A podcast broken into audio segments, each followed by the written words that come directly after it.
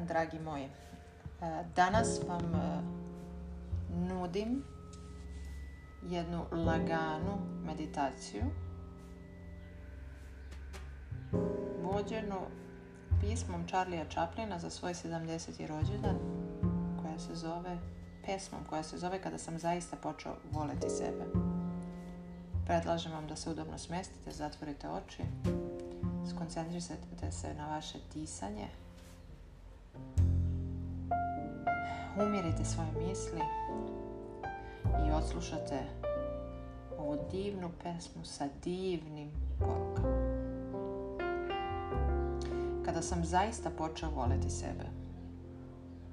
Kada sam zaista počeo voleti sebe, shvatio sam da sam uvek i u svakoj prilici, na pravo mesto i u pravo vreme i da je sve što se događa ispravno.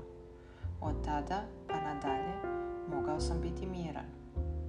Danas znam da se to zove poverenje.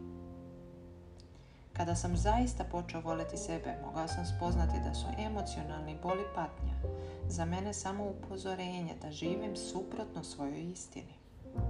Danas znam da se to zove biti autentičan.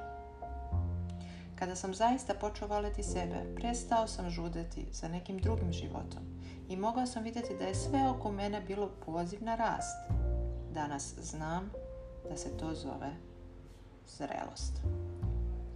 Kada sam zaista počeo voleti sebe, prestao sam krasti svoje slobodno vreme I prestao sam dalje i dalje raditi grandiozne projekte za budućnost. Danas radim samo ono što mi stvara zadovoljstvo i radost.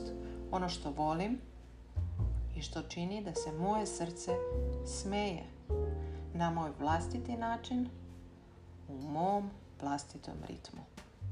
Danas znam da se to zove čestitost. Kada sam zaista počeo voleti slebe, oslobodio sam se svega što nije bilo zdravo za mene.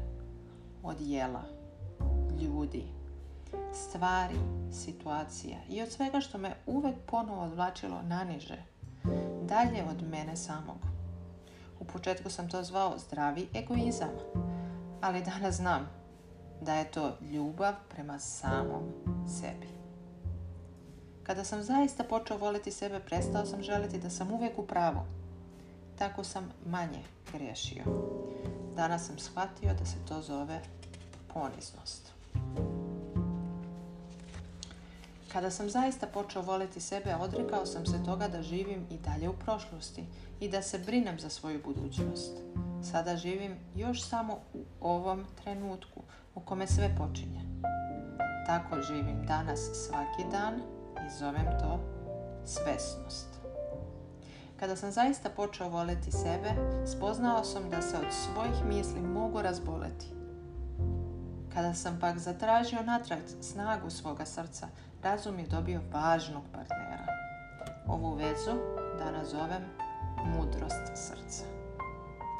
Ne treba se nadalje bojati rasprava, konflikata i problema, samih sa sobom i sa drugima, jer se trak i zvezde ponekad sudare i nastaju novi svetovi. Danas znam da je to život.